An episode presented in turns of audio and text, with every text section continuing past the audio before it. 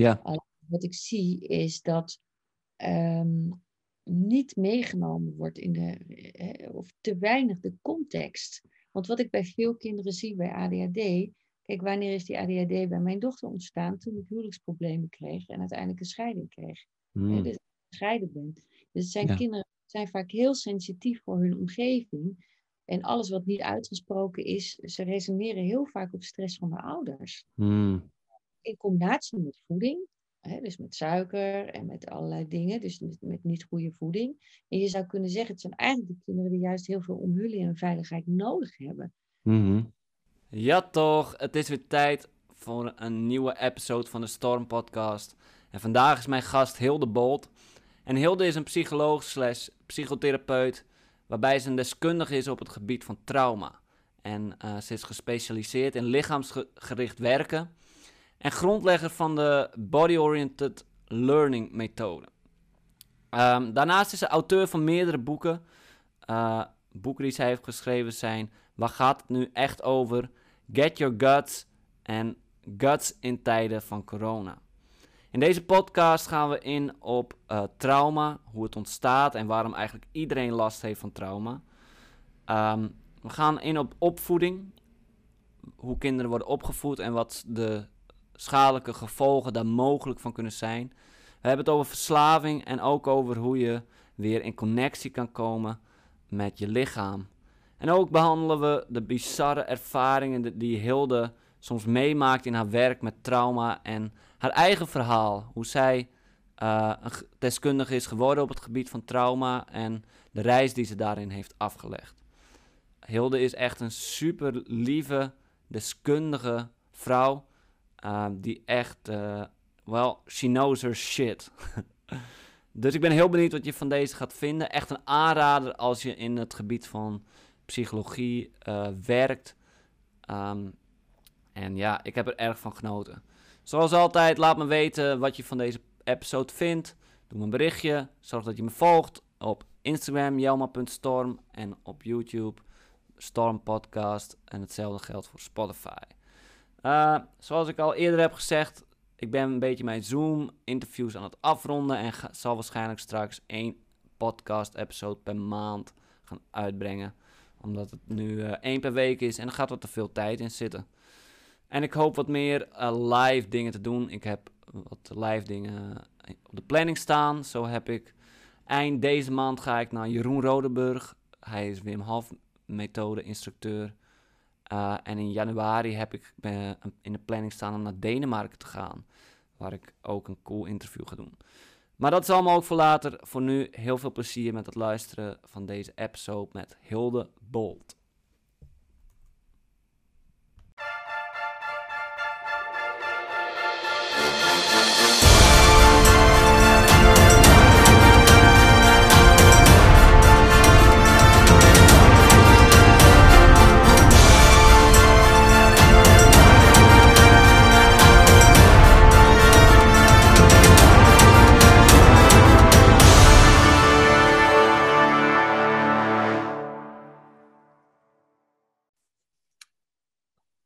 Hilde Bolt of Hilde Alice, Alice Bolt? Ja. Gewoon Hilde. Is prima. Gewoon Hilde. Oké, welkom in de Storm Podcast. Heel fijn dat je langs zou komen. En eh, ik kijk ernaar uit naar dit gesprek. Ehm, en misschien om, gewoon om te beginnen ben ik natuurlijk heel benieuwd wat jouw achtergrond is, wie je bent en wat je zoal doet in het dagelijks leven. Ja, dat is een grote vraag. Yes, we beginnen groot. Ja, dat is goed. Ehm, poeh, hoe, eh, ja, wie ik ben, eh, Hilde Bolt, eh, moeder van twee keer twee kids eh, tussen de 24 en de 18 jaar. Zo'n drie meiden eronder. Woon in Hoevelaken. heb een praktijk aan huis van psychotherapie. Maar heb ook een eigen onderwijsinstantie waarbij ik ehm, lesgeef in, ehm, eh, ja, hoe noem je dat? In, in, in, in werken met lichaamstaal voor professionals. Eh, nou ja, verder werk ik veel voor organisaties en geef ik ook les op andere opleidingen. Ik heb de auteur van drie boeken. Oh, wauw. Kijk eens. Ja, ehm, en ik schrijf veel artikelen, eh, ben veel met muziek bezig. Dat is eigenlijk mijn grootste passie. Ik zing professioneel. Ehm, nou ja, dat is al een heleboel. Ik hou heel erg van reizen. Ik hou Mm. van dansen. En, en vooral ook van, eigenlijk misschien wel van leren. Mm. Leren, ehm, nou ja, in mijn vak heb ik natuurlijk heel veel geleerd. Ik heb met heel veel soorten doelgroepen gewerkt. En eh, van klinisch, zeg maar, tot en met privépraktijk, tot en met directeuren van de Shell gecoacht, zeg ik altijd. Dus het is een hele range van dak- en thuislozen en alle gelaagdheden van de bevolking. Wow, Eh. Het heeft mij enorm verrijkt als mens. Mm. Eh, evenals ook het reizen naar andere culturen. En daar leer ik eigenlijk nog steeds heel veel van. Dus ik vind het heel fijn om mijn vakkundigheid en mijn mens zijn ook te scherpen, zeg maar, aan lerend blijven, zeg maar. Mm. Dus blijven Ja. Ook over mezelf overigens, maar ook, ook over de wereld en over mensen. Dus dat vind ik eh, heel Hmm. Klinkt wel echt alsof je echt een eh, soort duizendpoot bent en superveel interesses hebt. Eh, daar hadden we het, voordat we de podcast starten ook al een beetje over. Dat we dat Ja. beide wel wat gemeen hebben. Dat we genoeg interesses hebben om misschien 300 levens nog te vullen. Ja, zeker, zeker. Ik, heb, ik, ik vind het, ehm, in die zin vind ik het leven ook eh, soms heel zwaar, maar ook heel leuk. Hmm. Ik ben ook wel iemand die dingen snel doet, of ik heb dingen ook wel snel door, dus de dingen gaan ook snel. Mensen snappen soms niet hoe ik het allemaal doe. Hmm. Ik snap het soms zelf ook niet, want Nee. ik neem ook wel veel rust tussendoor. Maar ik denk dat een van de dingen is dat ik ehm, ja, op een of andere manier goed in het moment kan zijn. Dus ik, ik kan goed in het moment bezig zijn met wat ik doe. Hmm. Dat betekent dat als je, ja, als je dat kan doen, dat je veel dingen tegelijkertijd ook kan doen. Als je daarbij in het moment bent, zeg maar, en Ja. gefocust. Kan Dat me absoluut voorstellen, want natuurlijk zijn er, als je dat niet bent, en ik herken die momenten zelf natuurlijk ook, waarbij je zeg maar in je hoofd zit en er zijn duizend dingen die je afleiden, die eigenlijk nergens aan bijdragen.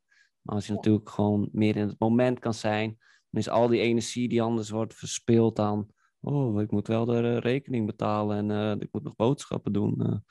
die kan je dan ook richten op hetgene wat op dat moment wel belangrijk is. Precies. Tof. Ik zag dat jij een methode hanteert en dat noem jij lichaamsgericht leren.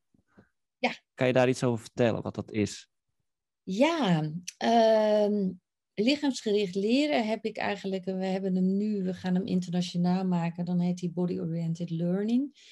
Is eigenlijk, ehm, ja, eigenlijk ontstaan omdat, ehm, ja, hoe zeg ik dat? Het lichaam, wat mij betreft, heel erg veronachtzaamd wordt in onze maatschappij en ook binnen de therapie. Hmm. Ehm, omdat heel veel in protocollen moet. Hè. We hebben eigenlijk het lichaam van het hoofd gescheiden, zou je kunnen zeggen. Je zou, eh, als een baby geboren wordt, hè, dan leert het natuurlijk eigenlijk nog heel veel via het lichaam. Hè, Mhm. dus die is natuurlijk, er zijn natuurlijk nog geen gedachten of geen cognities als het zo heel klein is. En op een gegeven moment, en dat las ik heel mooi in een ehm, eh, boek wat ik nu aan het lezen ben van Glenn Helberg. Dat heet Als ik luister, fantastisch boek, absolute aanrader. Is dat op een gegeven moment als kinderen zeg maar op school komen, hè, dus kinderen experimenteren natuurlijk, eh, heel vrij, ze leren dingen.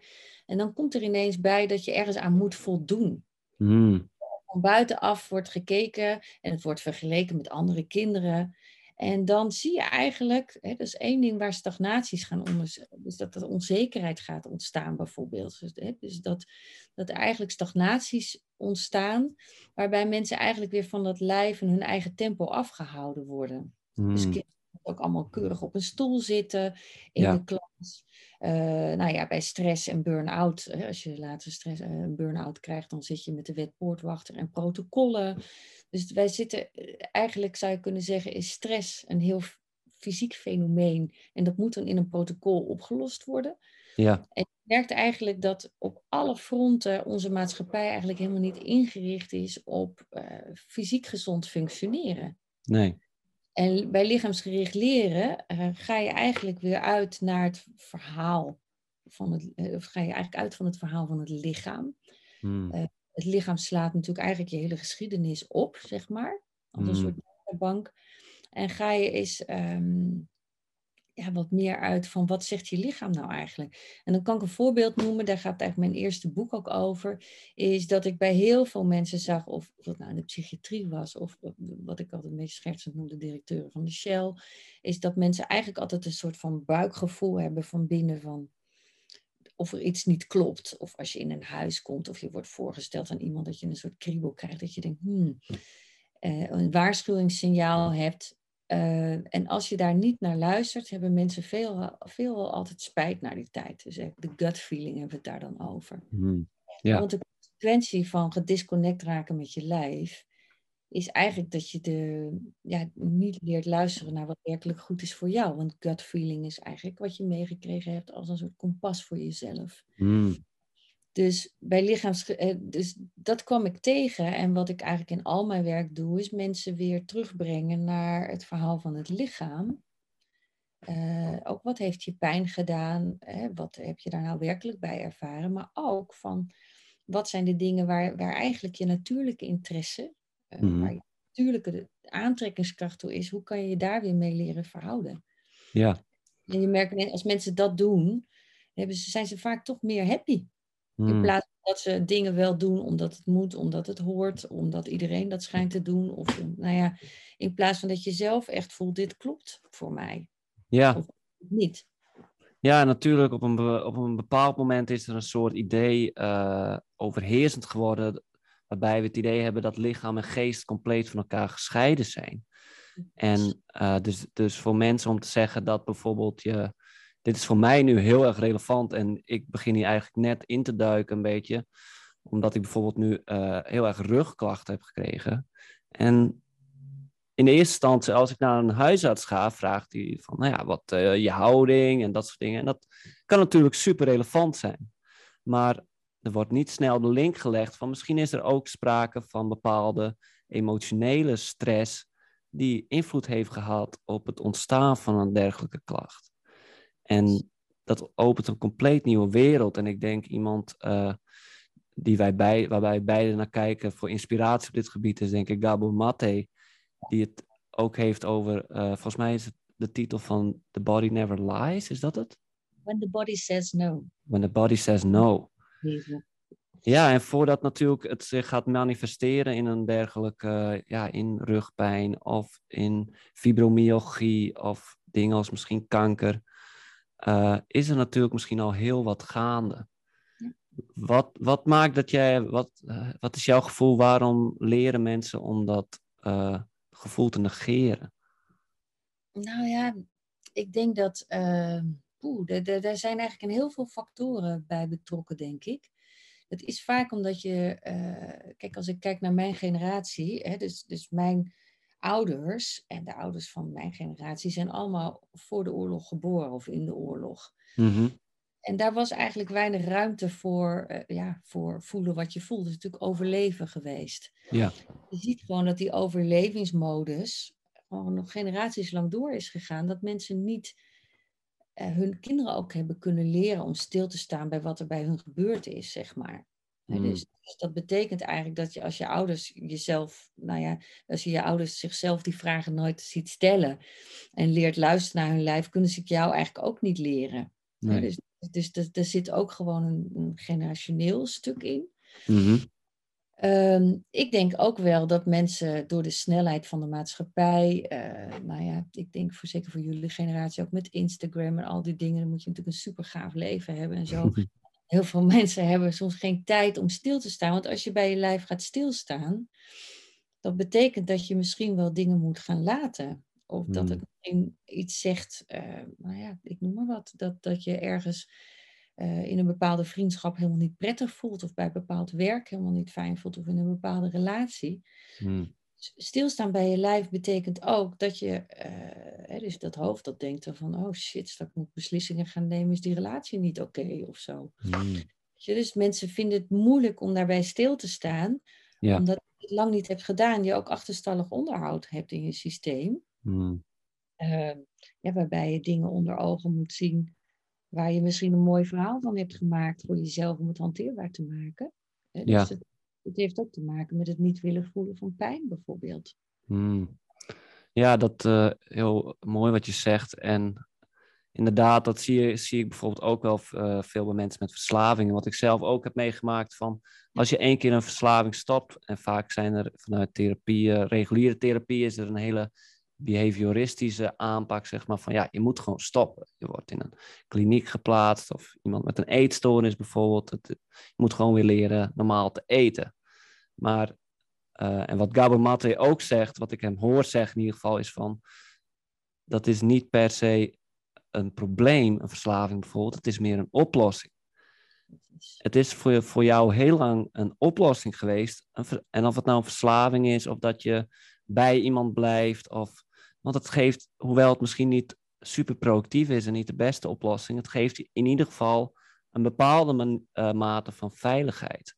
En inderdaad, als je daar dan vragen gaat bij, bij gaat stellen van, nou ja, misschien uh, voel ik me hier eigenlijk niet thuis, of misschien zijn deze vrienden niet geschikt voor mij, of deze woonplek niet, uh, dan kan het een heel onveilig gevoel geven natuurlijk, want het, het is in ieder geval vertrouwd. Ze zeggen wel eens van, the devil you know is better than the devil you don't know. En uh, ja, dus wat kan mensen helpen om toch op een soort veilige manier dat te gaan ontdekken en daar stappen in te nemen? Ja, nou ja, wat ik, je noemt Gabor Mate. Hij is uh, ja, voor mij in die zin een enorme inspirator, omdat hij heel erg werkt vanuit dezelfde principes die ik zelf, waar ik zelf ook mee werk. Ik heb mhm. ook qua werk een beetje hetzelfde achtergrond als hij. Hij heeft natuurlijk in de Downtown East Side gewerkt. Ja. Ik heb ook met dak- en thuislozen gewerkt in een kliniek.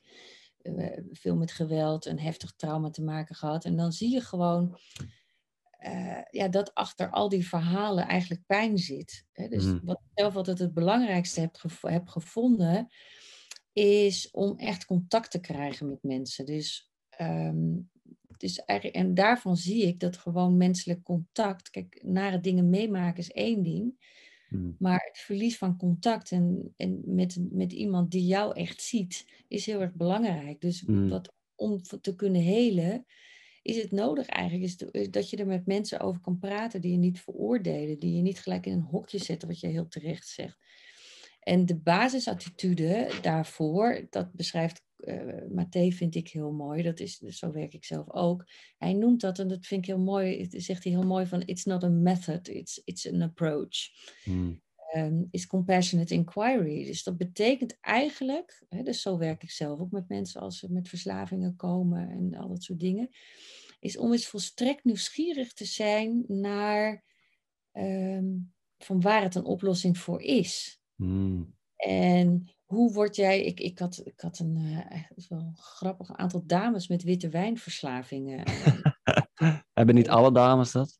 Uh, nou nee, uh, dat, weet ik niet. Ik in ieder geval niet. Er zijn er het ook niet hebben. Maar dat vond ik wel grappig. Dat als je dan vraagt van, goh, hoe word jij dan als je een glaasje wijn opneemt? Weet je, ja. of opneemt of opdrinkt.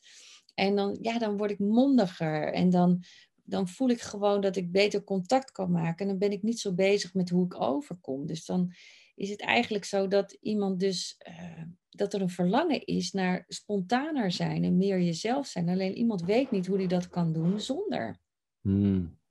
dus dat is een van de dingen. Dus als je dat. Um, en ik, ja, ik zeg ook nooit tegen mensen: zorg ervoor dat je het gewoon niet meer doet. Want nee. ik ook niet dat het zo werkt. Simpelweg neurologisch werkt het ook niet zo. Hmm. En de pest met verslaving is ook dat als je echt verslaafd bent, is dat als je stopt en je gaat eh, heel naïef roepen, wat je soms ook wel ziet van ga dan leuke dingen doen die je wel inspireren of zo, ja. is dat je ook gewoon nog niet die beloning krijgt. Hè? Omdat dat in je hersenen dat ook een stuk afgestompt is. Dus, dus je moet echt door een behoorlijke uh, cold turkey heen vaak, hè, waarbij hmm. je een soort vlak, vlakke periode hebt, zeg maar.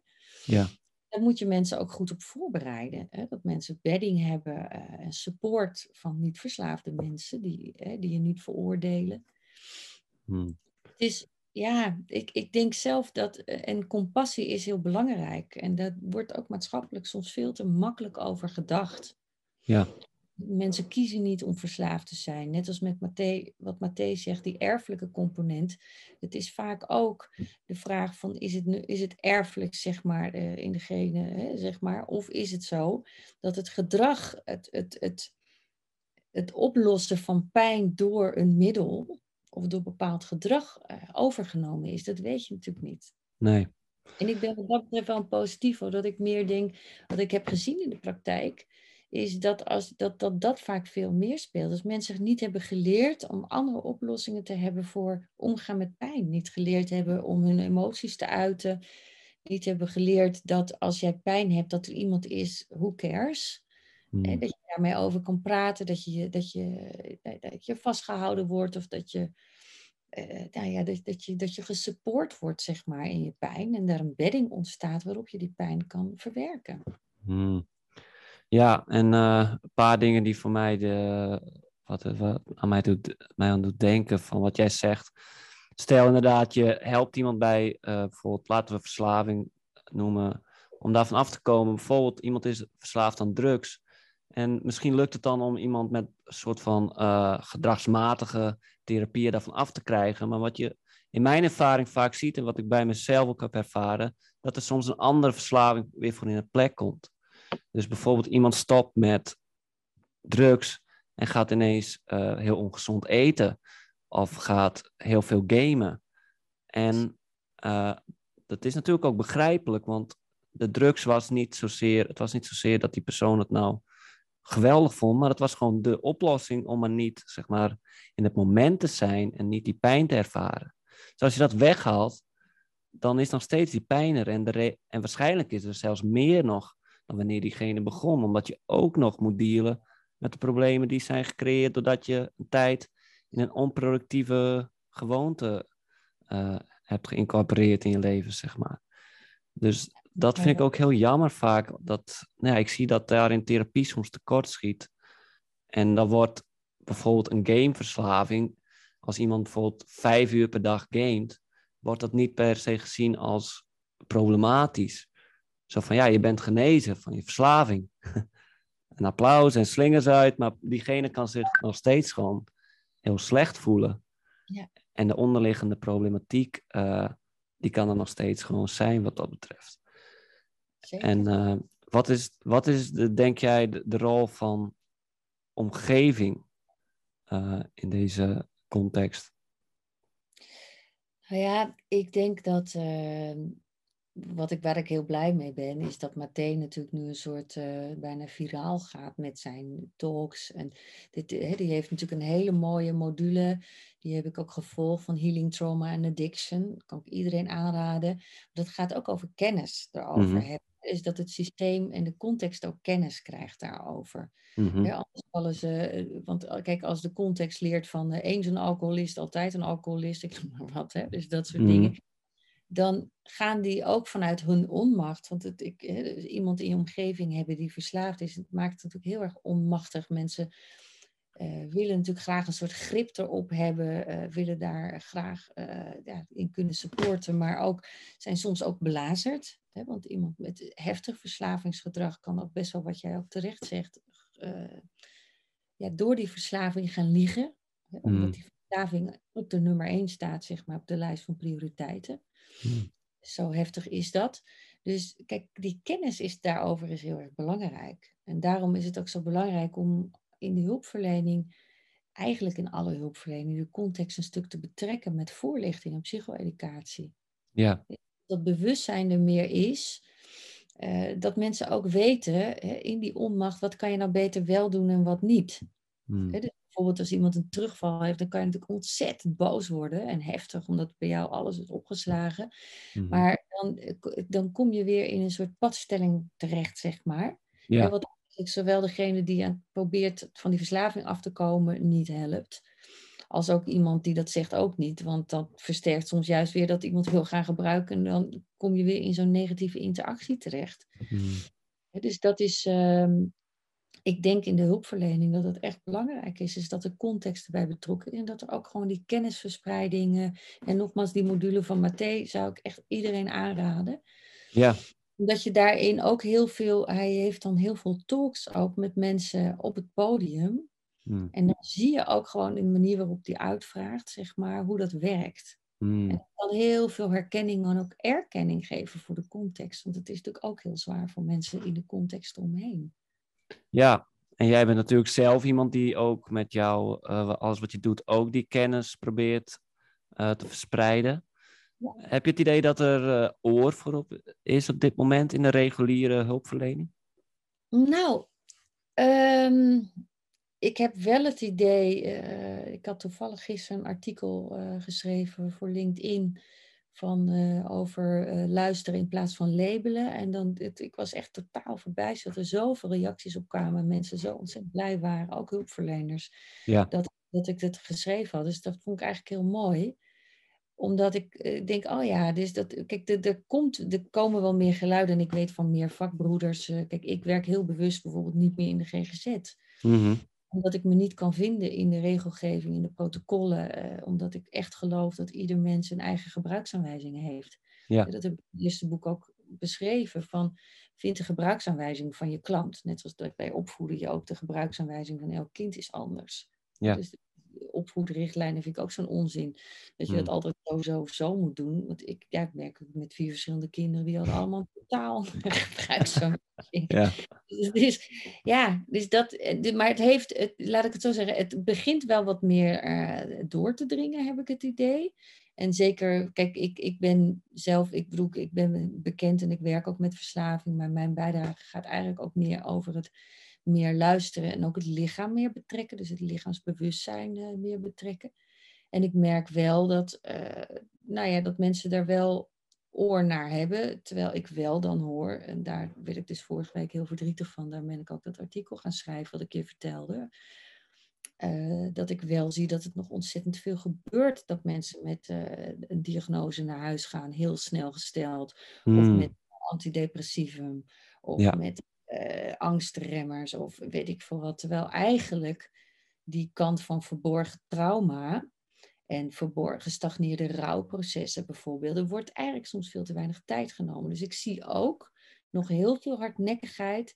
Ja, en ik, kan je voorbeelden noemen van mensen die, weet je, van eh, een, meisje die ik uh, een aanmelding kreeg, die verkracht was en um, door een, uh, ook op een feestje door een vriend van een vriend van haar. Wat natuurlijk heel ingewikkeld.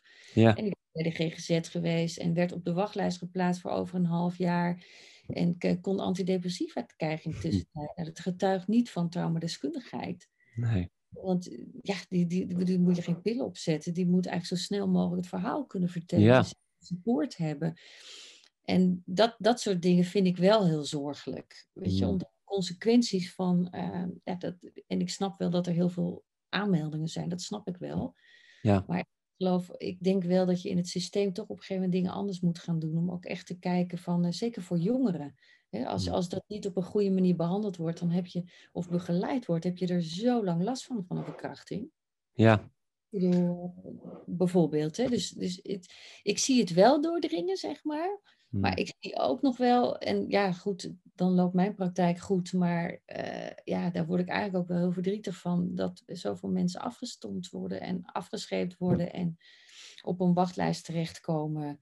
Mm. Uh, ja, nog iemand anders had een, eh, was getuige geweest van een uh, suïcide en dat werd ook afgescheept als niet urgent voor hulp. Mm. Ja. Terwijl dan met haar praten, ik ben blij dat ik, dat ik die mensen nu kan helpen. Maar dan denk ik, jeetje, van hoe, hoe kan je dat nou niet als urgent zien, weet je? Ik heb hmm. zelf ooit, misschien scheelt dat wel hoor. Soms denk ik wel eens dat hulpverleners zelf ook vergeten hoe het is als zij zelf in zo'n hulpvragende situatie zouden zitten. Hmm. Ik heb zelf ooit in de kliniek iemand gevonden die zich gesuicideerd heeft, uh, zich opgehangen. Ja. Dat is niet echt een feestelijk gezicht. Dat plaatje, dat heb ik nog. Hè, naar, mm. Wat is het, 26 jaar later op mijn netvlies staan. Ja. Dus ik snap dat ook, snap je? Dus en ik denk dat de hulpverlening ook moet leren uh, om ons niet boven onze klanten te zetten, maar te realiseren van ik ben zelf een mens.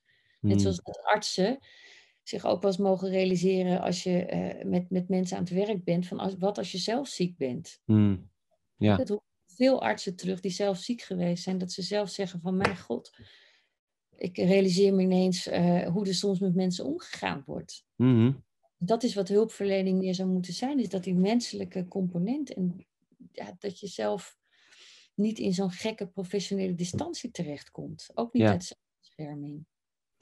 Ja, je ziet natuurlijk, ik ken deze, heb deze verhalen ook gehoord, waarbij mensen bijvoorbeeld echt, mensen die heel dichtbij me stonden, tien minuten bij de huisarts waren en dat de huisarts zei, ja, weet je, volgens mij mist er ergens een stofje bij jou. Ik denk dat je antidepressiva moet hebben. En dat was na tien minuten en dan denk ik, van wat is er gevraagd over iemand zijn levensstijl, zeg maar. Misschien slaapt hij twee uur per nacht of misschien uh, eet hij super ongezond. Misschien houdt hij helemaal niet van zijn werk. Er zijn zoveel factoren die daarop van invloed kunnen zijn. En, en uh, om zeg maar, ook voor zeg maar, dat soort personen op te komen als een huisarts. Ja, wat moet hij ook? In tien minuten. Hij heeft tien minuten misschien voor een patiënt. En, en het woord ook al, zeg maar, van iemand komt binnen en er wordt, ja, je bent al patiënt als je binnenkomt natuurlijk. Dus er wordt al gekeken van wat er mis is. En uh, ja, wat moet hij in zo'n korte tijd? Plus vanuit alle opleidingen, zover ik weet, I'm not a doctor, maar dat weet jij misschien beter, wordt er ook weinig aandacht nog besteed aan dit soort dingen, uh, waarbij dieper wordt gekeken naar de oorzaken van pijn.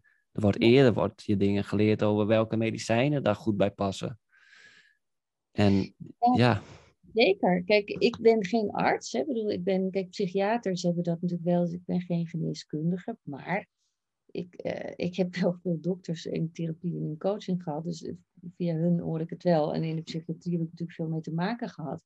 Ja. Ik zie bij mijn vak is dat mensen veel te weinig vragen. Ik werk bijvoorbeeld heel veel met stress en burn-out naast trauma. En dan zie je ook dat er helemaal niet gevraagd wordt naar wat, terecht de dingen die jij zegt. Leefstijl, wat eet iemand? Ik had iemand met stressklachten die dronk 20 kop koffie per dag. nou ja, dat is wel heel, het idee word ik al gestrest, zou ik zeggen. Maar dat, dat, mensen hebben soms geen idee wat ze in hun mond stoppen. Ook de natuurlijke biochemie van hun lichaam kan ontregelen. Ja ik stond gisteren, ik mag, hè, ik mag vanwege mijn gezondheid uh, echt absoluut geen suiker uh, hebben, zeg maar. En uh, ik stond gisteren bij het tankstation. En toen dacht ik, ik zat zo eens te kijken, wat ligt daar allemaal in die schappen? Nou, het zijn allemaal dingen die echt heel ontregend zijn, die ook kankerverwekkend zijn, waar verslavende middelen in zitten.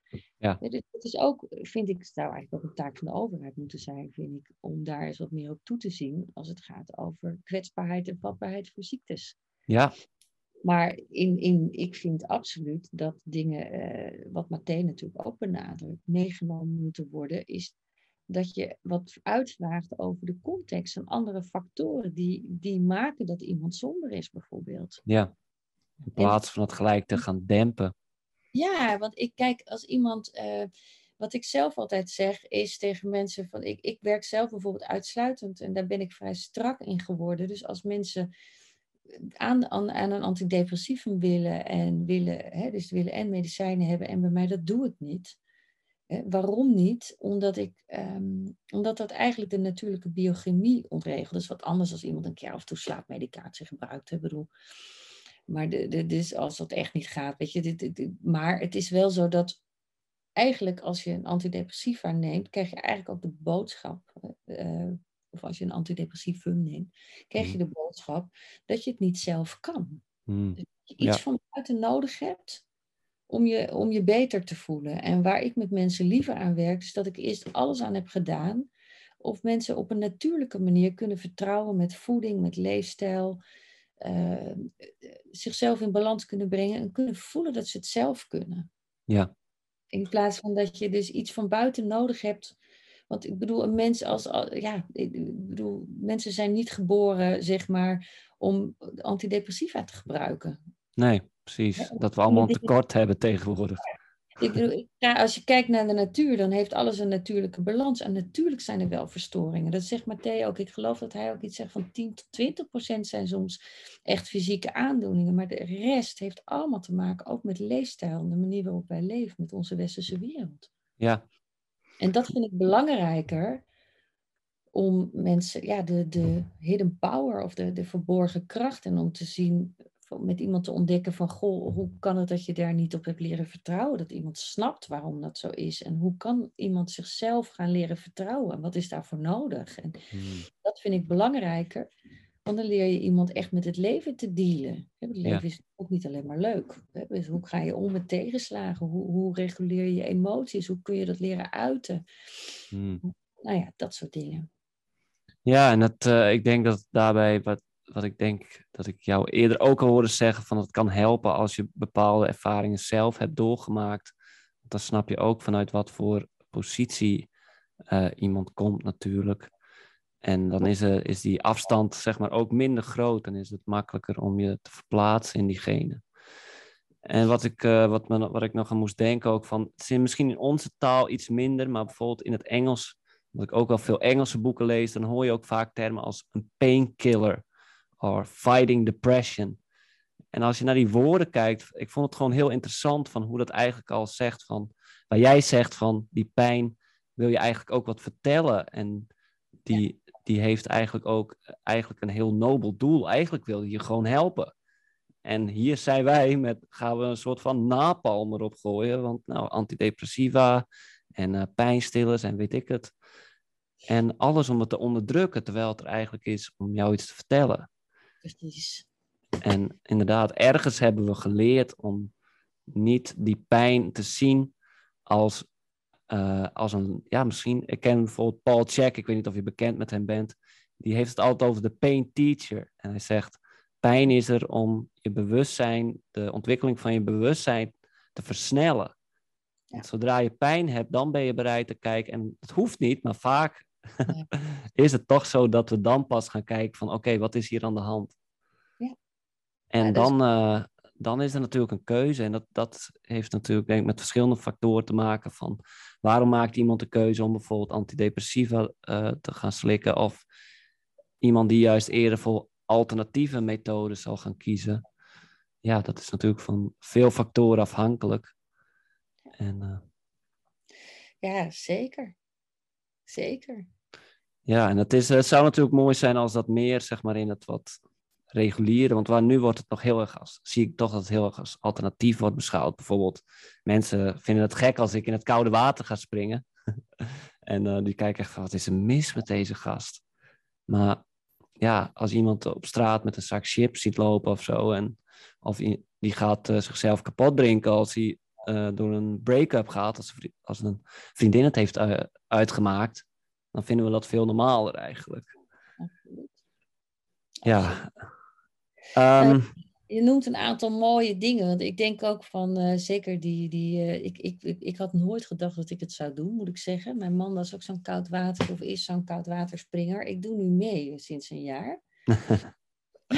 hij heeft je overtuigd. Wij hebben dus ook een badje in de tuin staan. Ja, en ik, echt zeggen, het iets. Ja. Dat is natuurlijk, het gekke is dat wat mensen vergeten, en dan komen we weer bij het lichaamsgerichte leren. Ik merk zelf, hè, dus door die kou, die kou-impuls, dus je bloedstroom die op gang gebracht wordt eigenlijk, hè, gaat je lijf natuurlijk ook dingen afvoeren. Je Hmm. krijgt gelijk een soort van kickgevoel. En ik vind het nog steeds vreselijk hoor, dat moet ik heel eerlijk zeggen. Ik, ik loop echt bij de deur, ik sta er bij de deur, dan denk ik, oké, ik moet nu doorleven. Als ik over naga, als ik het besef heb van hoe koud het is, dan ben ik er alweer uit, zeg maar. Maar het werkt wel. Ja. En ik denk soms dat via het lijf, dus die, die, ja, ik vind het jammer dat het allemaal wordt genoemd als alternatief. Hmm. Want er zijn wel degelijk heel veel, ja, ik noem het liever aanvullende geneeswijzen, die wel degelijk ook onderzocht zijn, weet je, waar, waarbij een effect, eh, effectmetingen gedaan zijn. Maar nog, als het werkt voor mensen, denk ik, waarom moeten we zo rigide daaraan vasthouden, weet je, van al het wetenschappelijk, eh, evidence-based verhaal. Ja. Ehm, als het werkt, weet je, er zijn zoveel tradities overgedragen geweest vanuit de Ayurveda, vanuit de Chinese geneeskunde en van allerlei andere inheemse volken. Die zijn van, van, van, van, van voorouders naar, hè, naar ouders, naar kinderen overgedragen, die werken. En dan, dat vind ik soms ook zo beperkend aan onze manier van kijken. Hmm. Ik denk, ik denk van, doe wat werkt, denk ik altijd. Als het werkt voor je, Ja. Dus probeer dingen uit. En zeker buiten ons. Wij, wij kunnen echt, vind ik, zeker met onze behoorlijk vastgelopen maatschappij, wanneer het gaat over het lijf, Hmm. ehm, heel veel leren van tradities waarbij dat lijf en het hoofd nooit gescheiden zijn geweest. En dan Hmm. kom ik bij het lichaamsgerichte leren. Ik, ik zal je nog een voorbeeld noemen. Hè, lichaamsgericht leren is in die zin ook, dat merkte ik zelf. Ik heb een, een dansexpressieopleiding ook gedaan. En ik merkte zelf ehm, dat bijvoorbeeld als je anders gaat bewegen, dus bijvoorbeeld als je, nou, ik noem maar wat, als je, uh, zo, ik zit op een stoel en ik ga heel zachtjes zo heen en weer. En ik zet een zacht muziekje en ik ga zo heel zachtjes heen en weer. Nou, het ziet er een beetje maf uit, moet je ook nooit doen als performance. Maar is dat, dat zachte heen en weer bewegen, is eigenlijk een beetje zoals het wegen, eh, wiegen in, in, de baarmoeder. Ja. Als je dat doet op een zacht muziekje, dan, ik, ik, daar werk ik heel veel mee. Dan zijn mensen binnen vijf minuten voelen zich een heel stuk rustiger. Hmm. En dan kan je dus ook een gesprek over hebben van, goh, eh, ik kom zo moeilijk tot rust en ik kom zo moeilijk tot verzachting. En dat ik ook weet ik van, ik heb die jeugd gehad en zo. Maar via het lichaamsgerichte, dus gewoon door eens verzachting te doen, maak eens wat zachte bewegingen, dat is een voorbeeld, hmm. voel je eigenlijk, ga je andere neurologische stofjes aanmaken, dan voel je eigenlijk al sneller beter. Ja. En dat is eigenlijk het mooie, dus ook als wandelen, ga eens wat trager wandelen als normaal, bijvoorbeeld. Hmm. Dus als je dus, zeker wandelen heeft een ontzettend goede, uh, is natuurlijk niet prestatiegericht. Nee. Heel veel beweging gaat weer prestatiegericht. Mm. Lekker dansen of zo. Dat gaat, dan, dan breng je een andere biochemie in je lijf. Ja. Uh, op gang, zeg maar, waardoor je je snel beter voelt. Dat vind ik ook heel interessant aan mijn samenwerking met Jill de Grit bijvoorbeeld. Die heeft zichzelf ook uit zijn psychose gedanst. Oh, wow. Ik heb echt altijd, als ik kijk naar hun werk, dus van Jill, uh, Jill en Wesley, uh, die, um, zij hebben, uh, ja, ik, ik denk als ik zelf kijk naar de psychiatrie, denk ik, ga, ik hoop gewoon dat dit soort manieren met beweging, bijvoorbeeld ook voor mensen met depressiviteit ingezet kan gaan worden. Hmm. Begint wel een beetje meer te komen. Ja. Hè? Het werken met muziek in Centrum 45, begreep ik van een collega die daar werkt, waar ze met trauma natuurlijk veel werken, doen ze dat soort dingen ook meer. En dan zie je gewoon dat als het een beetje buiten het boekje van de gespreksvoering is, dus via het lijf, dat daar hele goede resultaten mee zijn. Hmm. Ja. Ja, je hebt het weer, uh, dan kom je eigenlijk weer terug op die, op die labels ook. Van ja, vanuit de reguliere gezondheidszorg is er een bepaalde definitie opgesteld. Wat we daarbij natuurlijk hanteren vaak bij, uh, in ieder geval volgens mij bij mentale dingen voornamelijk, is het dan de DSM. En zeg maar, nou ja, je hebt deze symptomen, oké, nou dan is dit de oplossing. En je hebt deze ziekte en dat is dan je label. En wat jij eerder ook aan het begin al zei, wat, wat ik heel erg zie. Uh, mijn zus is bijvoorbeeld juf en ik was een dag bij haar in de klas. En ik was aan het observeren en er waren kinderen, die waren super druk en die konden niet stilzitten. En die wouden dingen doen en en, en met andere kinderen in gesprek. Maar wat moest er? Ze moesten uh, achter hun bureautje zitten en gewoon het reguliere programma volgen. En ik denk, en dat was bijvoorbeeld een jongetje die kreeg uh, Ritalin, die, omdat hij ADHD als label had opgekregen. En ik dacht, dit jongetje wil gewoon buiten spelen en die wil gewoon misschien op een hele andere manier ook leren. Maar door uh, ja, ook ouders, denk ik, speelt er ook een rol van die willen dat hun kind ook uh, binnen de normale parameters blijft functioneren. En de school verwacht dat ook van een kind. Dan blijven daar toch wat in zitten. En die labels blijven natuurlijk, die gaan niet weg uh, als je ouder wordt. En wat ik ook heel mooi vond, wat, je, wat ik jou hoorde zeggen van wat je eigenlijk probeert met mensen ook te doen, is ze misschien een beetje weer vanuit die stress halen. Want als je daarin zit en dat, je, zit, eh, je, je zenuwstelsel is helemaal geactiveerd en je zit eigenlijk in, en wat je dan vaak ziet, is dat mensen ook anders gaan denken, toch? Ze gaan naar een ander deel van hun brein, neemt het eigenlijk bijna over en het wordt vechten of vluchten of bevriezen. Een van die drie. En vanuit, ja, het is niet echt aan te raden om vanuit die staat natuurlijk beslissingen te nemen. En er zijn zoveel dingen wat jij zegt. Dat, uh, nou, ik heb zelden wel met meditatie geprobeerd. En ik denk dat wat jij noemt vergelijkbaar is. En het water is voor mij ook vergelijkbaar. Waarbij je gewoon echt even weer in je lichaam terugkomt. Waar je normaal heel erg in je hoofd zit. Dus ik denk dat dat hele mooie, hele mooie oefeningen zijn om, daar, om dat uh, te proberen. Ja, je noemt ook, weet je, wat ik echt belangrijk vind wat je zegt. Want ik, ik, ik kan echt huilen bij het aantal diagnoses die aan kinderen worden gegeven. Ja. Ik, doe, ik heb ook kinderen in de praktijk vanaf 13. En ik zie eigenlijk al jaren Dat, uh, nou ja, ik, ik zie trouwens, ik heb, ik heb zelf ook een, een dochter waarbij ooit ADHD eigenlijk voor milde diagnose is gesteld. Ja. wat ik zie is dat um, niet meegenomen wordt in de, eh, of te weinig de context. Want wat ik bij veel kinderen zie bij ADHD, kijk, wanneer is die ADHD bij mijn dochter ontstaan? Toen ik huwelijksproblemen kreeg en uiteindelijk een scheiding kreeg. Hmm. dus gescheiden ben. Dus zijn kinderen zijn vaak heel sensitief voor hun omgeving. En alles wat niet uitgesproken is, ze resoneren heel vaak op stress van de ouders. Hmm. In combinatie met voeding, hè, dus met suiker en met allerlei dingen, dus met, met, niet goede voeding. En je zou kunnen zeggen, het zijn eigenlijk de kinderen die juist heel veel omhulling en veiligheid nodig hebben. Mm en dat is natuurlijk waar Matteo ook zo heftig op reageert, is dat hij ook zegt van oké, we gaan middelen toedienen die, waar die eigenlijk gebaseerd zijn op stresshormonen. Dus je hebt een kind wat al heel druk is en dan ga je stresshormonen toedienen. Ja. Dat eigenlijk gewoon de omgekeerde, omgekeerde wereld denken. Dus die context van die kinderen moet ook meegenomen worden. En dan niet vanuit schuld. Hmm. Ik bedoel, ja, dat ligt natuurlijk altijd gevoelig. Uh, de blaming the parents van is het mijn schuld dat mijn dochter uh, last had van ADHD-klachten? Nee, het is een oorzaak- en gevolgstuk. Zij heeft een bepaalde aanleg en de context was op dat moment onveilig. Kan ik ook niet mooier maken. Dus als, het is voor kinderen natuurlijk onrustig als er een scheiding is of relatieproblemen ja. of zorgen. En dan zie je dat een kind daarop reageert. En dat vind ik zelf heel heftig. Want dan krijg je uh, soms ouders die zeggen ja, en ik heb een kind met een rugzakje of met een diagnose. Nou, dat is dan ook weer heel lastig voor die kinderen of hmm. voor die ouders. Terwijl ik echt vind dat ook belangrijk is dat het systeem daarin meegenomen wordt. Hmm. Wat laat het kind zien over het systeem en niet vanuit schuld, maar wat legt het bloot in het systeem? Hmm. En daarbij, en dan noem je nog een belangrijk ding. Kijk, mijn kinderen, die, twee jongens hebben op de vrije school gezeten. Hmm. Zitten daar hele goede dingen in. Nu zitten daar ook af en toe, vind ik, hè, dus mijn persoonlijk iets, zat er ook af en toe wat rigides in. En ze, hadden, ze hebben middelbare school er niet mee gedaan, maar nu ze volwassen zijn, zeggen ze eigenlijk allemaal wel van, goh, ze vonden het eigenlijk heel boeiend, omdat ze daar ook meer doen met lichaamsgericht leren. Dus met tellen leren ze ook met motoriek en met stappen en met meer dingen met hun handen doen, met hun handen hmm. maken.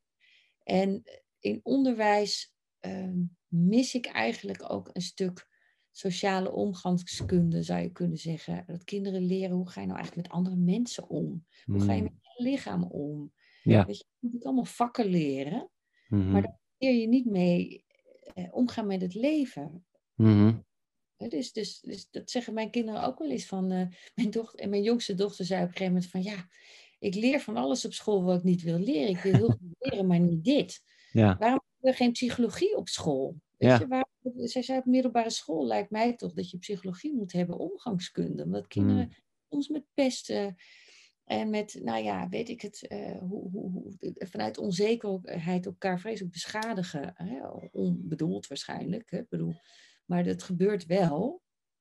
Zeker bij meiden onder elkaar is dat soms jonge jongen, daar hoorde, heb ik zoveel verhalen van gehoord. Ook bij mijn eigen kinderen gezien. Ik denk, waarom zijn er geen vakken die daar meer op gebaseerd zijn. Bijvoorbeeld, ja. Maar ook in omgaan met het lijf, omgaan met het leven.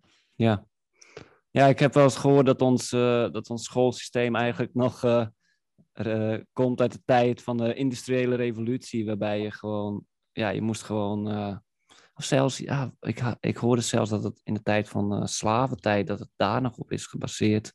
Ja. En dat het eigenlijk is bedoeld om mensen ook zeg maar, te zorgen dat ze niet zelf gaan nadenken. En ga een beetje de, je gaat dan wat de complottheorieën eh, kan bijna uit. Maar zo lijkt het ook, want je wordt heel erg gedwongen om super hard binnen kaders te blijven denken. En dit is hoe het is en niet anders. En ook de vakken die worden aangeboden zijn inderdaad ook heel erg nauw, waarbij er niet aandacht wordt besteed aan bijvoorbeeld, je leert wat je moet leren, maar je leert niet per se hoe je het moet leren. En uh, wat jij zegt, toevallig ben ik net begonnen met werken op een, een biologische dynamische boerderij. En dan ontmoet ik ook mensen van de vrije school, uh, echt jonge gasten, een jongen van 18. En wat ik gelijk aan hem merkte, dat hij zo anders dacht. Hij was zo goed in staat om buiten kaders te denken. En hij vertelde over hoe die, dat er dan uitzag. En voor de mensen die het niet weten, misschien kunnen we kort iets vertellen over de vrije school. Van, dat is door Rudolf Steiner ontwikkeld, als ik het goed heb. En die, uh, ja, die was onder, onder andere heel veel, ook met biologisch dynamisch uh, landbouw was hij bezig en heel veel dingen. Hij was ook een ook, ook, uh, occultist, oculist, wordt hij wel genoemd. Maar in ieder geval, zijn, het schoolsysteem is heel anders, waarbij het veel meer wordt aangepast op, uh, op de leerlingen zelf. Is dat een correcte beschrijving? Kan je daar nog iets aan toevoegen? Ja, nou ja, ik, ik vind het wel mooi wat je zegt. Kijk, hij, hij ging natuurlijk ook uit dat een kind al iets is, hè? Dus het al iemand is. En dat Ja. je ook kijken naar het kind. Hmm. En, eh, en, en dat het een kind een bepaalde ontwikkeling doormaakt, weet je. Dus Ja. dat is... is ehm, ja, en daar zijn, is ook het lijf en de zintuigen en de manier. Hij heeft ook hele visie ook van hoe een mens zich verhoudt met het lichaam. Het is Hmm. hoe, hij heeft het dan over de ziel zich steeds meer verbindt met het lichaam, met de ik-vorming. En dus dat, dat, daar zit, eh, dus het onderwijs is ook eh, ja, meer bedoeld geweest om dat ook dat proces te ondersteunen. En Ja. natuurlijk ook niet meer helemaal up-to-date, weet je. Dus dat, roep ik ook altijd van, eh, ja, weet je, we leven nu in een andere tijd. Maar wat ik wel mooi vind, is dat, je, dat het ook gericht is om het authentieke in kinderen naar boven te halen, weet je. En Hmm, precies. en dat is, eh, kijk, nu is onderwijs natuurlijk gericht geweest altijd op dat kinderen later in onze maatschappij kunnen functioneren. En dat Ja. zie ik heel anders, want ik denk, onze maatschappij nu is niet, als het goed is, niet hun maatschappij waar zij in leven. Dus we moeten eigenlijk kinderen in hun ontwikkeling ondersteunen, zodat zij een mooiere wereld kunnen neerzetten met elkaar. Ja, Het is dat je het potentieel aanboort, zodat zij hun bijdrage kunnen leveren aan een mooiere wereld dan dat die nu is. Hmm. Ja, en ik denk waar eh, de vrije school en andere, andere leerscholen, bepaalde leerscholen heel veel aandacht aan besteden, is ook gewoon inderdaad wat jij zegt, de authenticiteit om daar weer bij terug te komen. En als een kind dat terugvindt, dan kan hij ook zijn authentieke zelf de wereld inbrengen. En dat is natuurlijk wat we goed kunnen gebruiken. En wat ik jou ook hoor zeggen van, inderdaad, nu worden kinderen zeg maar, gevormd zodat ze kunnen functioneren in de maatschappij. Maar als ik naar de maatschappij zie, ik zie heel veel mooie dingen, maar ik zie ook een zieke maatschappij in heel veel aspecten. En ik denk dat de hele pandemie daar een, dat een supergoed voorbeeld van is, waarbij we ineens aannemen dat een, een bepaalde spuit, dat dat hetgene, het enige is wat ons kan redden en ons immuun kan houden.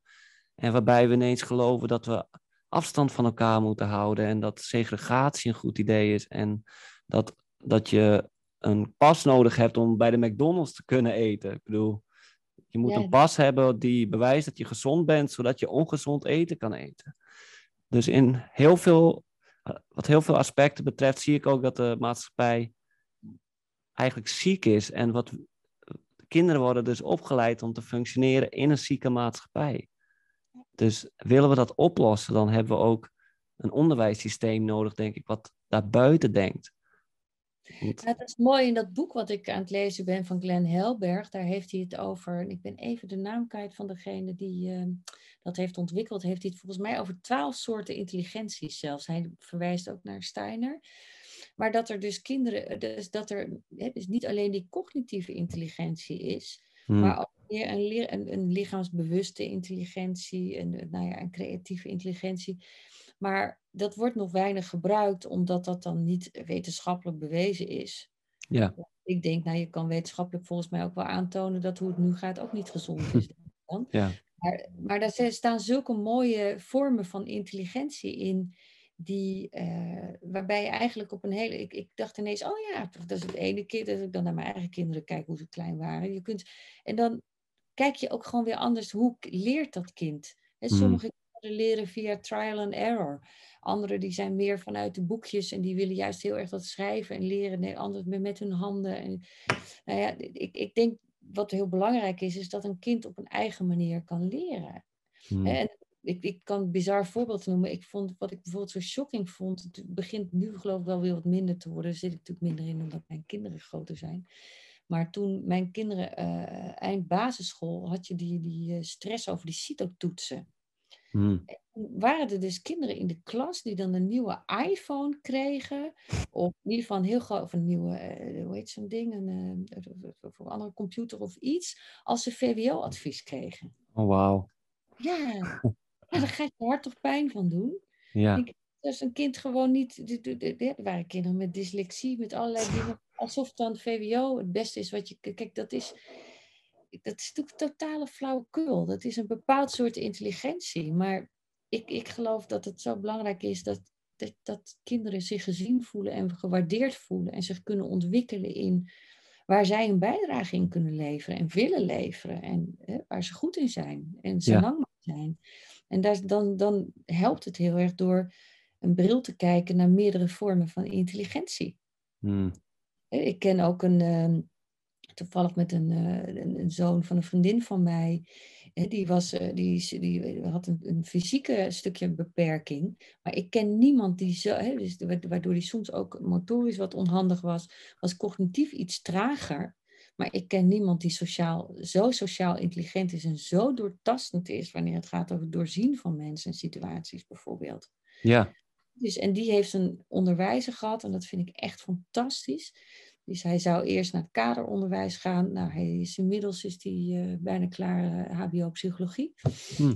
Dat zijn on- basisschoolonderwijzer gewoon helemaal vol voor hem door het vuur is gegaan. Omdat hij voelde van ja, maar hij moet niet op die iets vertraging afgerekend worden. Hmm. Nee.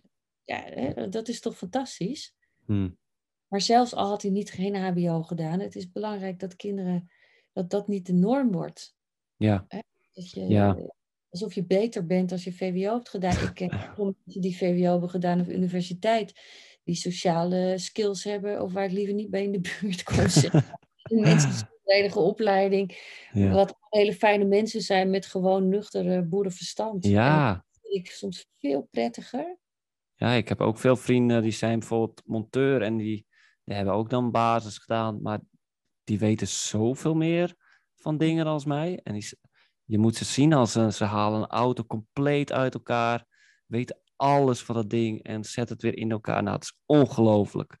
En die, dat is dan zogenaamd minder intelligent. Nou het zegt wel wat inderdaad als je de, de authenticiteit van je kind eh, inruilt voor een iPhone. Ja. Wat ik. eh, sorry, onder- ik onderbrak je. Wou je nog wat zeggen? Ik zei nee, heftig hè? Dat, ik vond het Ja. heel heftig, ja. Eh, wat ik jou nog als laatste vraag wou stellen, eh, Hilde, van wat, eh, wat voor, voor jouw gevoel, wat is de impact van de hele COVID-crisis geweest? Zie jij dat terug in je praktijk, in je werk? Ja, ik, eh, nou ja, zeker. Ik, ik, ik, toen die eerste lockdown er was, heb ik ontzettend veel aanmeldingen gehad. Dus toen heb ik het Hmm. heel druk gehad. Daarna, vorig najaar, dat vertelde ik je voor het interview, ben ik zelf ernstig ziek geweest. Geen COVID, maar iets anders. Aan mijn alvleesklier. Dus, eh, dus toen ben ik een tijd uit geweest. Maar in de periode, in die eerste periode heb ik heel veel aanmeldingen gehad. Hmm. En ja, wat ik zie is, ja, ehm, wat ik zie als ik het heel eh, psychotherapeutisch bekijk, is eigenlijk een enorme angst voor de dood. Hmm. Angst voor oncontroleerbaarheid, die bij mensen, eh, en wij hebben in het Westen, dat heb ik geleerd van reizen naar andere landen. Ik heb een paar jaar geleden was ik op Lombok met die aardbeving, met die heftige aardbeving. En ik ben in meerdere landen geweest met, met, waar veel armoede is. En gezien hoe mensen daar omgaan met natuurrampen of, eh, daar, of, nou ja, of onveilige situaties hebben gehad. En wij hebben toch hier in Nederland of in het Westen een soort illusie van controle, alsof we het leven allemaal kunnen sturen. En Mhm. alsof het leven eindeloos kan rekken, of je ook eindelijk, eindeloos kan marchanderen met het leven door gewoon hartstikke ongezond te leven. En dan, ja, dan ineens blijkt je tot dood te kunnen gaan.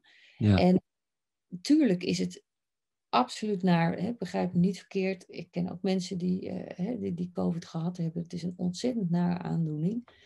Het is alleen wel zo dat het wat mij betreft blootlegt. eh, of eigenlijk een heleboel dingen heeft blootgelegd, zeg maar. Absoluut. Ja. Onder andere gewoon de angst voor de dood, de controleerbaarheid, de verantwoordelijkheid, vind ik soms te veel in een vaccin willen eh, stoppen. Uh, terwijl uh, als het gaat over gezondheid, is ook echt je eigen verantwoordelijkheid en wat je zelf in je mond stopt, wat je eigen leefstijl is. Want als je immuunsysteem goed functioneert, dan heb je toch minder last van, of het nou COVID is of andere aandoeningen. Ja. Het is zelf veel meer regie.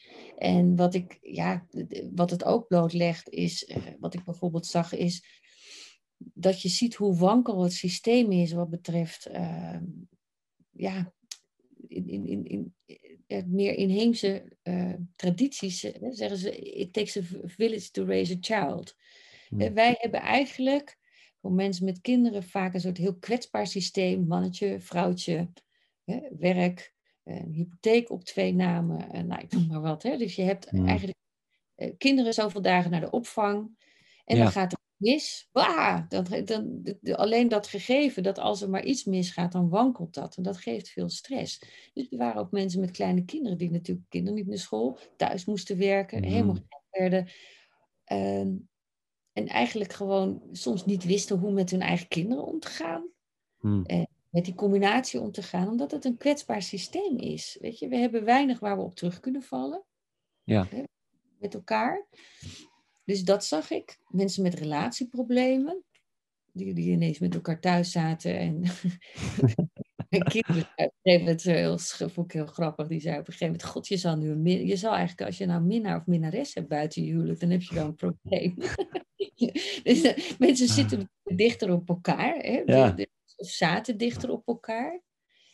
Um, ja, en wat ik, wat ik zelf gewoon, maar goed, we zijn daar nog, natuurlijk nog niet uit. Weet je, wat ik zelf heel pijnlijk vind, is die hele verdeling in de samenleving nu. En Hmm. dat, uh, dat, weet je, als je twijfels hebt over of vaccineren een goed idee, dan zit je gelijk in een hokje antivaxer. Mm-hmm. Uh, als je wel een vaccinatie neemt, dan zit er vanuit de, de, de, de antivaxers ook gelijk een sticker op. Dus dat we Ja. zo ongelooflijk legt het bloot hoe snel we oordelen, hoe weinig we luisteren naar elkaar. Um, Mm. En wat angst doet. Ja. En dan de laatste is dus dat angst voor de dood, uh, angst voor onmaakbaarheid, maar ook uh, heel veel trauma's omhoog komen bij mensen. Dus, dus het, het, het, de onveiligheid in de maatschappij, zou je kunnen zeggen, Mm.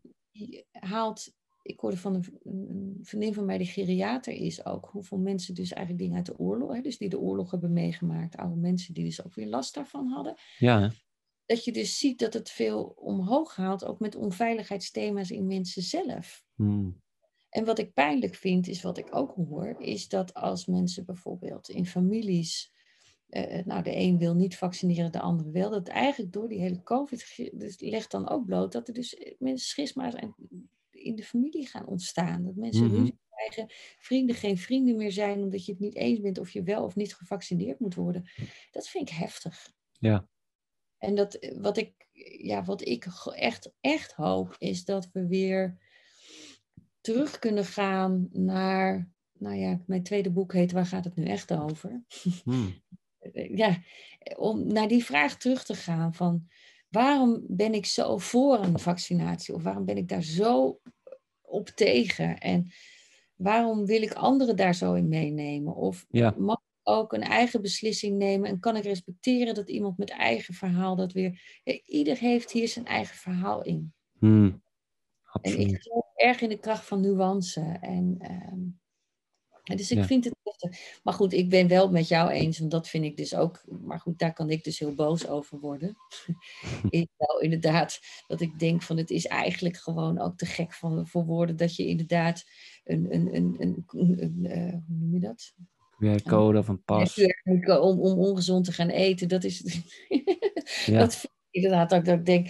Ik, ik weet nog dat ik het. eh, dat is wel grappig. eh, ik zag op een gegeven moment een post.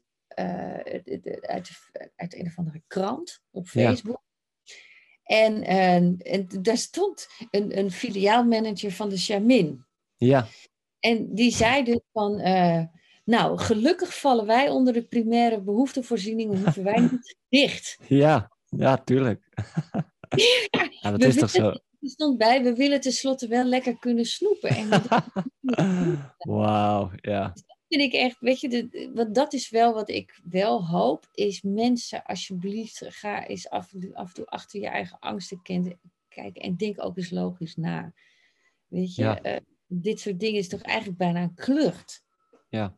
Dat, Ja, dat- het is heel erg, eh, wederom waar we eerder het hadden over dingen op kleine schaal, zeg maar. We Bijvoorbeeld in mijn geval waar bij rugpijn zich eh, voordoet, zo van ja, blijkbaar is er nog iets in mij wat, wat eh, geheeld mag worden en wat aandacht voor nodig is. En dat kan ik ook zeggen op dit moment, en die verleiding is er soms, dat kan ik eerlijk zeggen van, ik kan ook pijnstillers gaan nemen en de hele dag paracetamol slikken of wat dan ook, wat voor manieren je maar vindt om het te dempen. En dat is eigenlijk wat we, wat, wat we als samenleving nu ook heel erg doen. Zo van, oké, hier doet zich iets voort, waarbij, wat jij al zegt inderdaad, wat angst voor de dood ten eerste omhoog brengt, maar ook aan het licht brengt van hoe kwetsbaar mensen eigenlijk zijn.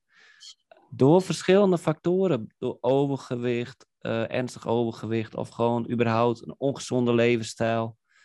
En dan kan je wederom die beslissing nemen van oké, ja, misschien, ik weet niet, misschien moet ik iets minder naar de Jamin gaan. Ja, we moeten lekker kunnen snoepen, maar misschien moet ik eens gaan kijken naar wat ik eet of naar mijn gedachten of zoveel manieren om daarmee bezig te gaan. Of we kiezen voor een soort magische pil en dat wordt aangedragen zo van, tenminste tot nu toe hoor ik heel weinig over op wat voor manier je, manieren je verantwoordelijkheid kan nemen, behalve als je een vaccin neemt. En de mensen die dat niet doen, en daar val ik dan onder, worden gezien als onverantwoordelijk, terwijl ik echt heel erg mijn best doe om verantwoordelijkheid te nemen en zoveel mogelijk uit, eh, uit die chaminwinkel weg te blijven juist. en uit de McDonald's weg te blijven en gewoon gezond te leven. En ja, het is heel interessant, zeg maar, hoe dat, eh, zeg maar, zowel op de, ja, is dat de, de ik weet niet hoe je dat niveau zou noemen, maar op het niveau van het zelf plaatsvindt. Waarbij we dat proberen te onderdrukken. En ook eigenlijk op het niveau van de hele samenleving zien we dat ook. Waarbij mensen op collectieve schaal eigenlijk bezig zijn met pijn te onderdrukken. En iets te onderdrukken wat eigenlijk aandacht nodig heeft. Ja, weet je wat ik zo mooi vind aan wat je zegt? Kijk, als je op een gegeven moment kan zeggen van... Goh, weet je, als je iemand hebt die heel erg anti-vaccin is en heel erg voor... Ja. Kijk, als je werkelijk bij allebei gaat vragen, waar gaat het nu echt over? Mhm. Bij allebei eigenlijk ook over pijn. Ja. En over angst. Mhm. Weet je, van, eh, ik ken ook mensen die heel erg bang zijn om zich te laten vaccineren, dat er angst achter zit. Van wat gebeurt er? Straks Mhm. ga ik mis en ga ik dood. Ja. Nou, iemand die bang is om corona te krijgen en wel vaccin, is ook bang om dood te gaan aan Mhm. corona. Ja, ja, ja. Dus dan kun je elkaar weer ontmoeten. Ja, heel En, mooi. en voor de een is het dan een oplossing om het wel te laten vaccineren, voor een ander niet. Ja, Maar ik geloof zelf dat als je, ja, nou goed, daarom ben ik zo ontzettend blij met dat boek van Glenn Helberg over als ik luister. Als we nou echt eens wat meer naar elkaar zouden luisteren in plaats van gelijk die oordelen te hebben, want het is vaak vanuit angst. En ik denk dat je dan uiteindelijk erop uitkomt dat we allemaal diezelfde wortel hebben. Want ik, ik zeg zelf ook vaak, het is natuurlijk eigenlijk als mensheid een heel vreed gegeven. Dus als je kijkt naar wat wij anders hebben als dieren, is dat wij ons bewust zijn van onze sterfelijkheid. Dat is natuurlijk best wel cruel. Mhm. Ik weet ook wie dit bedacht heeft, weet je. Dus het is best wel vreed eigenlijk, toch? ja. Dat je wel weet, het kan elke moment afgelopen zijn. Weet je, dat Mm. kan ook door ziekte, maar je kan ook je... Ik, ik heb drie jaar geleden bijna mijn nek gebroken. Nou, dat is net goed gegaan. Weet je, maar toen heb ik ook gezien, na een herstel, flinke hersteltijd, dat het zo kwetsbaar is. Ja. En ik denk dat als je met elkaar gewoon realiseert met die COVID, dat het gewoon blootlegt dat het leven eigenlijk soms zo onmaakbaar is en heel kwetsbaar wat jij zegt. En dat we allemaal met dat gegeven te worstelen hebben, dat je mensen verliest of hè, dat- dat, dingen niet blijvend zijn en zo, dan kun je elkaar ook weer ontmoeten en ondersteunen. Ja. In, jij lost dat zo op en ik los dat zo op. En laten we elkaar niet judgen eh, voor iets, weet je, daarin. Nee, en dat vind ik ook heel mooi dat je dat zegt. Want daar, ik was wel in die modus ook een tijdje. Het switchte bij mij een beetje. Eerst was ik helemaal van, oh ja, dit is verschrikkelijk en eh, we moeten zo snel mogelijk dat eh, vaccin. En toen begon ik wat zelf na te denken. Toen denk ik, oké, wat is hier gaande? En toen werd ik juist heel erg zo van, oh, iedereen die het doet is echt een schaap. En waarom zou je zo dom zijn? En ook, dat is ook natuurlijk niet, dat helpt ook, draagt ook niet bij aan, eh, aan, het draagt nergens aan bij. En nu probeer ik het inderdaad, en ik kan, heb soms nog steeds neigingen om oordelend te zijn. maar om inderdaad te begrijpen wat jij zegt, van iedereen heeft zijn eigen motief om een keuze te maken. Binnen mijn familie is er, is er ook verdeling, in hoeverre je het maar verdeling wilt noemen, maar in ieder geval andere meningen. En als je inderdaad terugredeneert, dan valt het best wel te begrijpen waarom iemand die keuze neemt. En er is een, een mooi spreekwoord wat ik al eerder heb genoemd in een uh, podcast, is van seek first to understand before to be understood. Van als je iemand echt begrijpt, dan kan je ook begrijpen waar, die van, waar het vandaan komt. Dus ik ben heel benieuwd, blijkbaar gaat jouw nieuwe boek erover. Wanneer komt dat uit? Oh, ik heb, uh, mijn nieuwe boek, dat, dat, weet ik nog niet. Dat, dat duurt nog wel even. Dat heet uh, Body Oriented Learning. Maar de boeken waar ik is, die zijn al geschreven. Dus waar gaat het nu oh. echt over? Die is in 2019 uitgekomen. Oké. En dat gaat over, uh, eigenlijk over, ja, dat over deze wereld en stress en burn-out. Hmm. En Get Your Guts, het eerste gaat over um, eigenlijk het contact met je lichaam, zeg maar. Dus eigenlijk met je eigen buikgevoel. Ja derde boek heet Guts in tijden van corona. Kijk, dat is zo grappig. Dat gaat over deze tijd, kijk. oh, wauw. Klein boekje. Ja. Het is een klein boekje wat, uh, wat eigenlijk gaat over wat legt deze tijd eigenlijk bloot, zeg maar. En ik ben bezig oh. nu met een nieuw boek, of met twee eigenlijk. Eentje over opvoeden. Ja. En dat ben ik aan het schrijven met mijn jongste dochter. Wauw. Dus leuk. Dus ik vind het ook heel gek dat er geen opvoedboeken zijn waarin eigenlijk ja, jongeren zijn opgevoed. En dus ik vind het eigenlijk heel interessant om ook met, dus ik ga ook met jongeren in gesprek dan over, eh, over opvoeding, zeg maar. Ja. En het andere gaat over body-oriented learning, dus dat lichaamsgerichte leren. Dus, de, dus ik hoop volgend jaar in ieder geval dat lichaamsgerichte leren boekje af te hebben, omdat dan ook die traumaopleiding start. Ja, dus, Gaaf. Eh, ja. Dus Misschien ooit een keer uh, een episode met je dochter er ook bij. Lijkt me ja, over opvoeden. Dit is, nou, zij, heeft dus, zij studeert nu culturele antropologie, maar zij heeft ook echt. Uh, ze zei op een gegeven moment ook tegen mij: ze, van, uh, ik, zij was echt een kind wat ook heel ergens daar altijd mee bezig was. Dus ik weet nog, toen ze acht jaar was of zo, zei ze op een gegeven moment: uh, Ik wil graag een gesprekje met je. Dus ik zei: Ze zei: Ik heb behoefte aan meer zelfstandigheid. Ja. En ik zei, oh, en hoe ziet dat er dan uit? Ze zegt, nou, ik wil dan graag, want toen had ze nog geen telefoon, jouw, jouw mobiel mee. En dan wil ik op mijn fiets naar de supermarkt een paar boodschapjes doen. Oh. En kijken of ik dat zelf kan. Nou ja, dan hoef je een kind eigenlijk niet alleen maar te volgen, toch? Dus dat vond ik zo mooi. dat is zonde. Ja, maar zij zei op een gegeven moment ook zo mooi van, uh, goh, eh, toen, toen ze denk ja, 13, 14 was, dat ze zei, goh, jullie zijn nu volgens mij overgeschakeld naar mij meer gaan coachen. Ah. Ja, ja, dus dat, is, dat vond ik echt zo leuk. ja, het is wel grappig dat iemand, iemand zei, wat dat betreft heel scherp. Ja. En, uh, maar het is, het is leuk om. Uh, het is trouwens ook wel grappig, want ik was dus, ben dit, met dit stuk al een tijd bezig met haar. Totdat ik erachter kwam dat Mathé dus ook uh, allemaal talks geeft met zijn zoon hè, over opvoeding. Ja, klopt. Hij heeft een fantastisch boek geschreven, Laat je kind niet los. Hmm. En, maar eigenlijk ook van de, door, dus eigenlijk, dat kan je eigenlijk niet doen zonder kinderen erbij te betrekken. Nee. Wat ik van goede opvoeding vind, uh, weet ik veel, is het een goede opvoeding dat kinderen zich keurig aan de regels houden. Ja. Is het een goede opvoeding? Dus zullen mensen zeggen, ja, ja, het is heel belangrijk dat kinderen ook wel leren wat, wat kan en wat niet kan. Maar wanneer is een opvoeding geslaagd, bijvoorbeeld? Hmm. Dat vind ik, dus dat soort vragen ben ik uh, over aan het schrijven. Dus heel leuk. Tof. Ik kijk er heel erg naar uit en uh, ik zie het wel zitten, een episode met jullie tweeën. Ja, dat vind ik ook leuk. Dat zal ze ook leuk vinden. Nou, gaan we doen. Uh, Hilde. Sparen. Wat zei je? Ze zal mij ook niet sparen, denk ik. Dus dat vind ik ook Ja, ik, ben er nu, ik heb er nu al zin in. Uh, Hilde, voor de mensen die uh, jouw werk in de gaten willen houden, misschien jouw boeken willen lezen, waar kunnen ze jou, meer over jou vinden? Uh, nou ja, het is sowieso volgens mij, uh, als je mij googelt, dan vind je wel van alles. Dat is onder andere op www.internal-movement.com of nl. Uh, dealchemist.com, dat is mijn opleidingsinstituut. Nou ja, op mijn LinkedIn profiel staat natuurlijk een hoop. Maar op die internal movement site, daar staat wel eigenlijk het meeste in. eh, nou ja, van, van, van, van zowel de praktijk als de boeken en dat soort dingen. En er staat een stuk in van in de media. Daar zal ik trouwens deze talk ook opzetten. Dus dan kun je ook interviews en artikelen en zo vinden. En, eh, en mijn boeken, die staan er ook op. Nice. Ik vond het een heel leuk gesprek. Ik denk dat we nog wel een uurtje door kunnen lullen als we het zouden willen. Maar daarvoor is misschien nog een tweede episode geschikt.